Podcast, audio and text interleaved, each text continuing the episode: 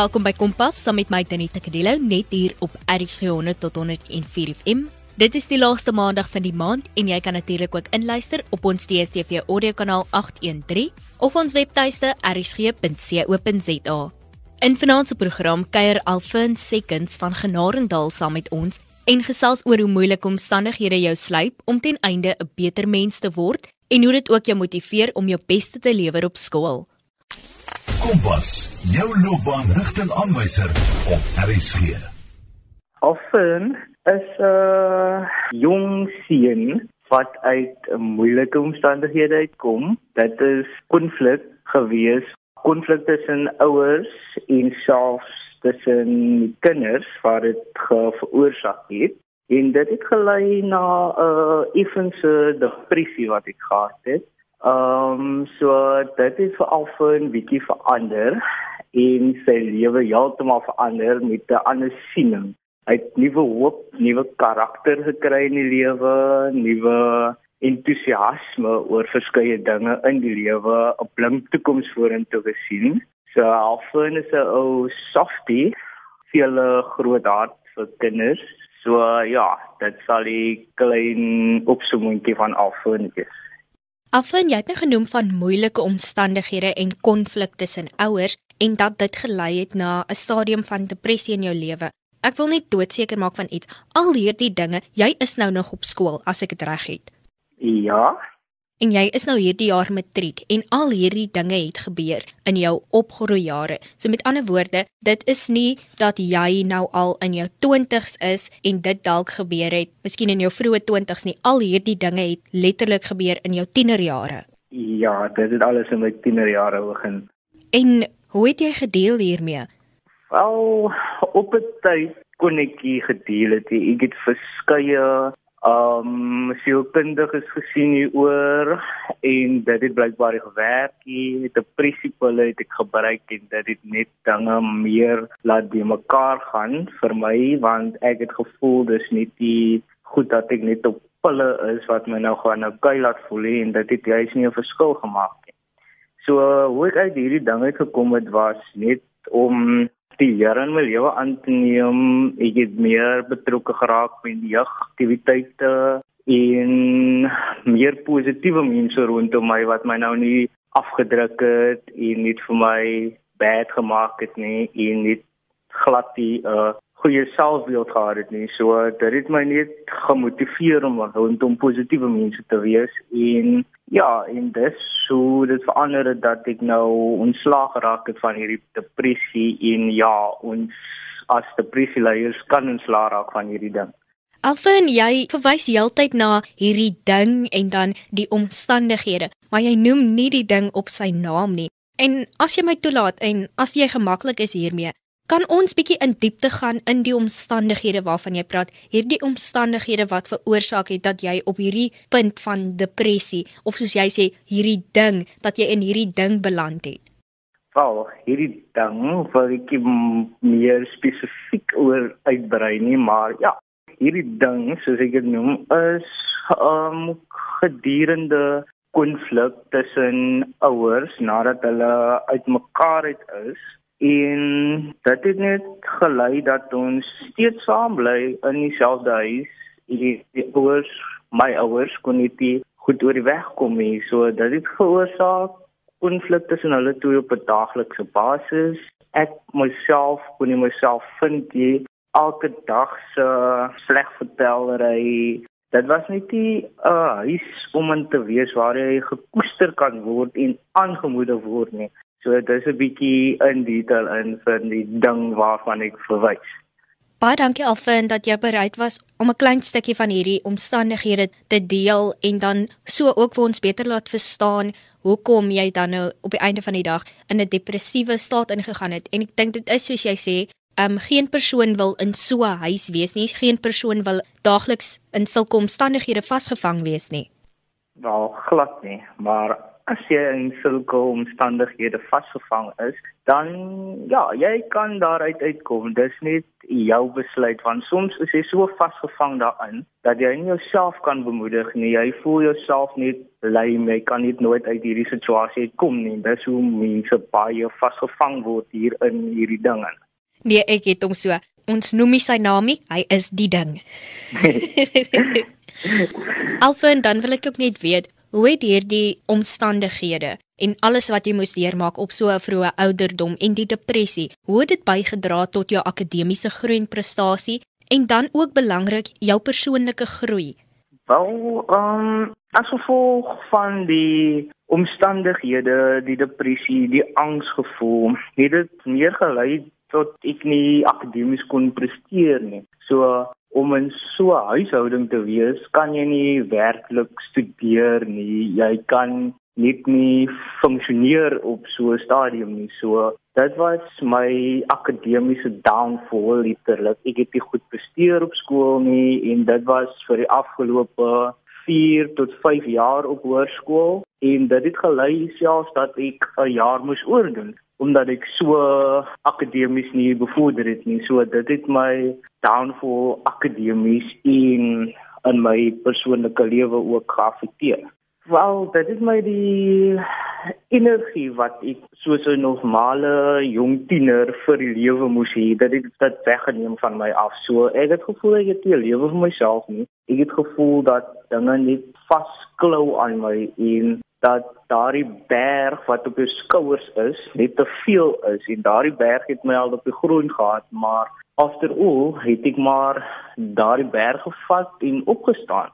En dit is wat my laat oorkom het oor hierdie stadium. So ek sal elke keer verwys dat ek goed in my lewe het en dit is die groot verandering, die grootste verandering wat dit gebring het in my lewe het. So dit het gemaak dat ek eventually kan sê I've been there, I've done that and I've overcome it. So ja, dit is wat dit gemaak het in my lewe basies. Dit bring my juist by daardie punt van omkering. Jy was in hierdie plek en jy het nou genoem dat jy moes 'n jaar oordoen van skool en jy kon maklik besluit het, maar ek het nou genoeg gehad en ek gaan nie eers baie om hierdie jaar oor te doen nie deur die omstandighede het jy nog steeds die motivering gekry en jy het vir jouself gesê maar jy wil 'n beter toekoms hê en jy is nou in graad 12 en ek wil eens met bietjie gesels oor daardie omkeerpunt. Waar of wanneer het hierdie omkeerpunt gekom? OK so hierdie omkeerpunt het begin toe um ek betrokke geraak het by die jeug en dit het gekom dat die jeugleier toe 'n vaderfiguur in my lewe gespeel het. So dit het gekos dat hy my moes werklik elke dag motiveer. Hy het my gehandle en getreed soos 'n eie kind. Um my geïnspireer deur wat hy gedoen het om te gee vir kinders en basies vir my te verander. En na 'n rukkie toe hy in my lewe gewees het, het ek gewoon geraak aan hierdie Christelike lewe en ek het begin bid dat ek uit hierdie omstandighede kom en my ouers het hulle paie geskei so dat dit gebeur en daarna het die vader uiteindelik my gebede verhoor en ons was bevoordeel om 'n nuwe huis te kry en dis waar my nuwe lewe en my nuwe pad begin het. Alfenus net 19 jaar oud en is al reeds by 'n aantal inisiatiewe in sy gemeenskap betrokke wat fantasties is. Jy luister na Kompas op RSG.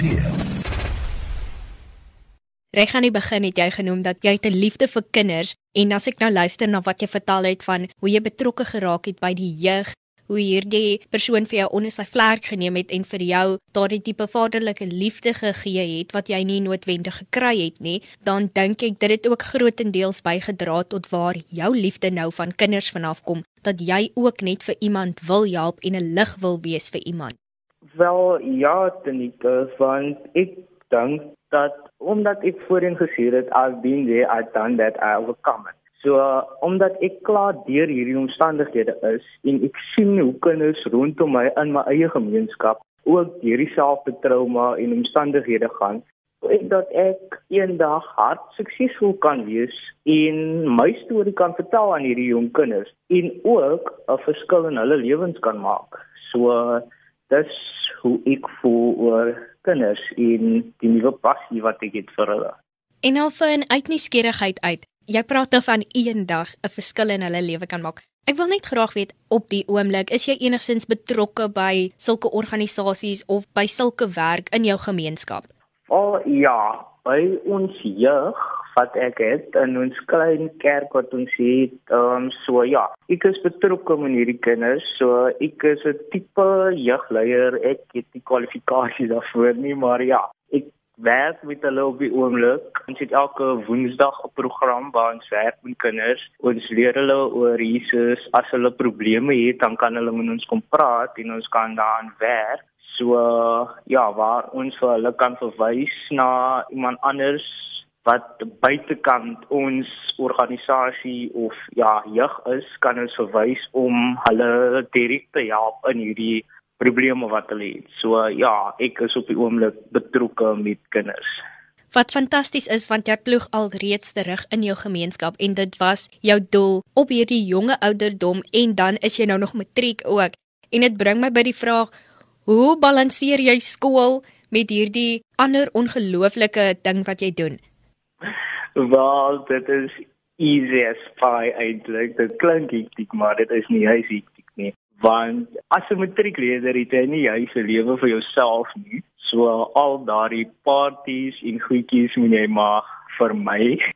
So ja, so dit is maar net dat ek sit met my boeke elke dag.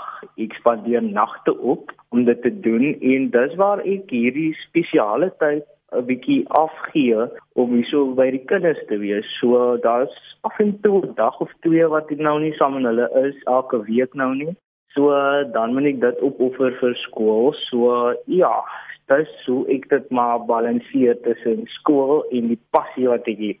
En dit werk fantasties vir jou uit want ek meen jy is nou graad 12 en jy is op die rand van in die groot mens wêreld in beweeg. En dit bring my dan by die vraag wat is van die hoogtepunte tot dusver in jou lewe? Of dit nou persoonlik is en of dit nou akademies is wat is van die punte wat vir jou uitstaan Wel die hoogtepunt wat vir my uitstaan is dat ek juis besef het dat daar is hoop vir my buite hierdie plek waar ek bly so in die verlede sou ek gedink het sal ek het nie hoop nie.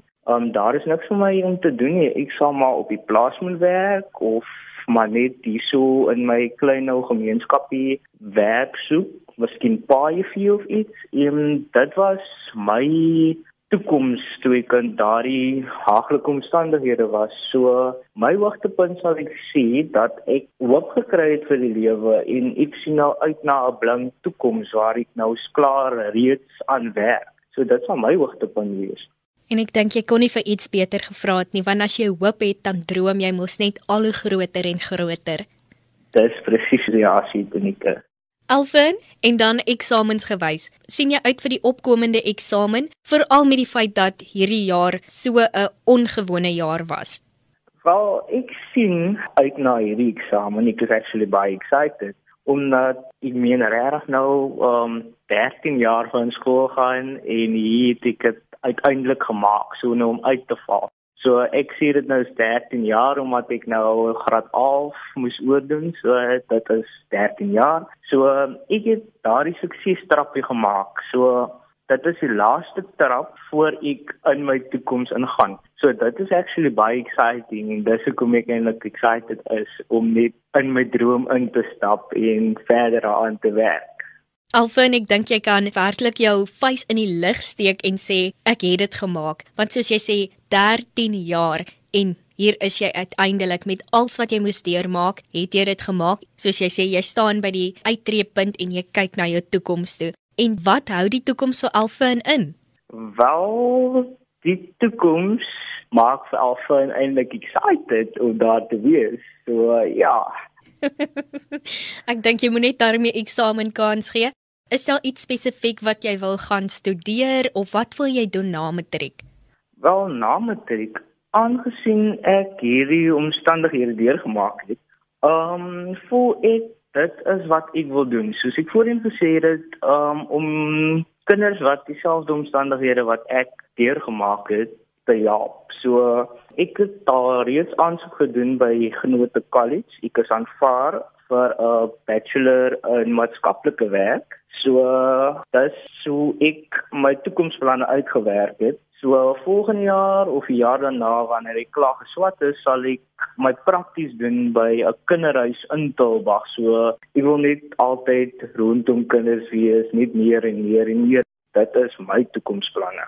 O my liewe aarde, baie baie geluk Elvin. Kyk nou net hoe dinge uitgewerk vir jou en as jy nou net moes opgegee het toe jy nou daai jaar graad 11 moes oordoen of jy moes opgegee het langs die pad terwyl jy deur hierdie haaglike omstandighede gegaan het, maar kyk watter vrugte het hierdie deursettingsvermoë vir jou laat pluk. Ja, en dit is wat vir my net nie verskillend maak van enige ander persoon of leier soos ek nou kan sê. Leier nie, want as ek dit kon doen, kan hulle dit ook doen. Ja, en ek dink dit is die boodskap wat ons wil oordra aan almal, dat ons juis gewone mense vat wat in omstandighede sit om vir ander te wys maar luister, ek kom uit hierdie gat uit, ek kom uit hierdie ding uit en ek kan dit doen. So wat keer nou eintlik vir jou? Ja, presies. Dan al vind dan net ten slotte, watter raad het jy vir ander jong mense en wat is jou boodskap vir die klas van 2020? Sal my boodskap en my raad kom te same. So wat ek sou sê is aan alle matriekleerders van 2020, daar is hoop. Um moenie laat jy die leuen glo wat ander mense vir jou sê nie, want almal het potensiaal en baie van ons kinders het die potensiaal, maar ons het nie die geleentheid nie. So dit maak dat ons nie juist daar gaan uitkom nie. So ons almal kan eventueel daar uitkom. Jy moet net deurmaak. Die potensiaal wat jy het, maak dit positief en jy sal sien jy sal daar uitkom.